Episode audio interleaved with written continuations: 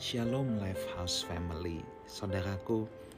Pernahkah saudara merasa bersalah dan menyesal setengah mati setelah melakukan sesuatu? Saya bukan lagi pernah, saya cukup sering mengalaminya. Di mana saya menyesal setelah melakukan sesuatu atau mengucapkan sesuatu. Sebenarnya penyesalan ini baik adanya saudara. Penyesalan adalah sebuah tanda bahwa nurani kita masih hidup. Penyesalan adalah sebuah tanda bahwa nurani kita masih jalan. Siapa pun kita, tidak ada yang bebas dari rasa menyesal ya. Atau siapa pun kita pasti tidak akan luput dari yang namanya kesalahan. Nah, dalam Injil Matius 27 ayat yang ketiga, pada waktu Yudas yang menyerahkan dia, Yesus, melihat bahwa Yesus telah dijatuhi hukuman mati, menyesalah ia. Lalu ia mengembalikan uang yang 30 perak itu kepada imam-imam kepala dan tua-tua. Saudara, penyesalan tidak menjamin bahwa akan ada pertobatan. Ketika Petrus mengkhianati Tuhan Yesus, Petrus juga menyesal tetapi kemudian Petrus bangkit dari penyesalannya, kemudian ia terus mengikut Tuhan, melayani Tuhan. Di sini sama-sama adanya penyesalan, tetapi yang membedakan adalah Yudas menyesal tetapi tidak berubah, saudara. Sedangkan Petrus menyesal dan berubah. Dalam kesalahan yang kita lakukan, kita pasti kalau orang yang nuraninya masih hidup, ketika menyesal pasti ada rasa duka cita. Pasti ada rasa duka cita. Tetapi kalau duka cita menurut dunia ya atau kalau duka cita yang berasal dari dunia itu pusatnya adalah dirinya sendiri dan membawa kepada kematian.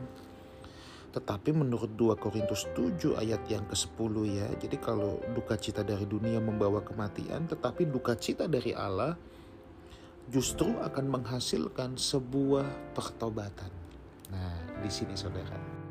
Orang menyesal adalah baik sebab nuraninya masih hidup.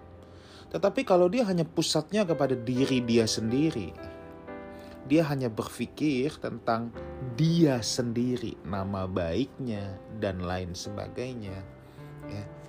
Dia akhirnya tidak bisa memaafkan dirinya sendiri. Dia tidak bisa move on seperti Yudas pusatnya adalah dirinya sendiri. Jadi dia pikir ya sudah saya selesaikan saja hidup saya dan Alkitab mencatat Yudas gantung diri.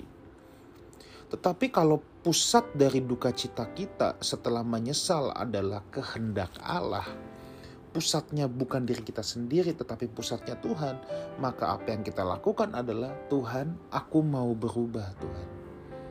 Aku mau berubah Aku mau berubah. Jadi bukan hanya menyesal, menyesal dan berubah. Itulah yang namanya pertobatan. Makanya dalam menyesal belum tentu orang bertobat.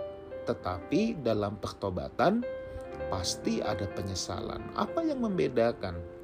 Pertobatan adalah penyesalan yang diikuti dengan tindakan, yang diikuti dengan perubahan hidup yang terekspresi dari tindakan nyata. Itulah pertobatan. Dan yang namanya pertobatan pusatnya bukan diri sendiri, tetapi pusatnya adalah Allah. Aku mau menyenangkan Tuhan, itu bahasanya. Tetapi kalau pusatnya pada diri sendiri, aduh aku gimana nih, aduh aku gimana nih, aduh aku gimana nih. Akhirnya dia tidak pernah berubah dan tidak bisa memaafkan dirinya sendiri. Nah saudara, it's okay kalau kita berbuat salah.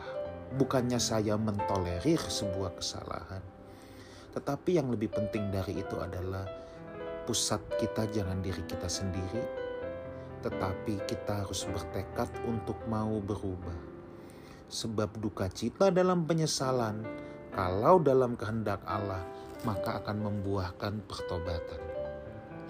Tuhan mengampuni kita, dan kita harus bisa memaafkan diri kita sendiri. Hal yang paling sering membuat kita menyesal adalah ucapan saya alami itu saudara. Kadang-kadang memang benar apa kata Alkitab orang yang bisa menguasai lidahnya maka dia bisa menguasai seluruh anggota tubuhnya. Kadangkala kita mengucapkan kalimat yang bisa menyakiti orang lain. Entah kita sadar, entah keceplosan, entah kita tidak sadar, saudara. Tetapi bisa saja ucapan itu menyakiti orang lain dan setelah kita mengatakannya, aduh kenapa aku ngomong begini, kenapa aku ngomong gini. Cara yang terbaik adalah kita terus berubah dari dalam. Kalau kita cuma menjaga ucapan, ya kalau kita cuma menjaga ucapan doang, kita akan capek suatu saat sebab yang kita jaga hanya apa yang di luar. Tetapi yang harus diubah dulu adalah yang di dalam. Nah, makanya kita yuk sama-sama berjuang. Saya bukan orang sempurna, saya juga terus berjuang. Saya sering salah ngomong, salah bertindak, salah ambil keputusan. Tapi yang saya mau ajak kita semua, yuk kita sama-sama berjuang berubah.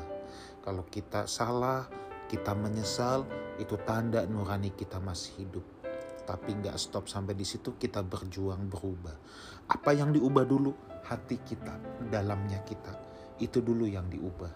Supaya nanti apa yang keluar tindakan ucapan semua harus selaras dengan apa yang ada di dalam hati.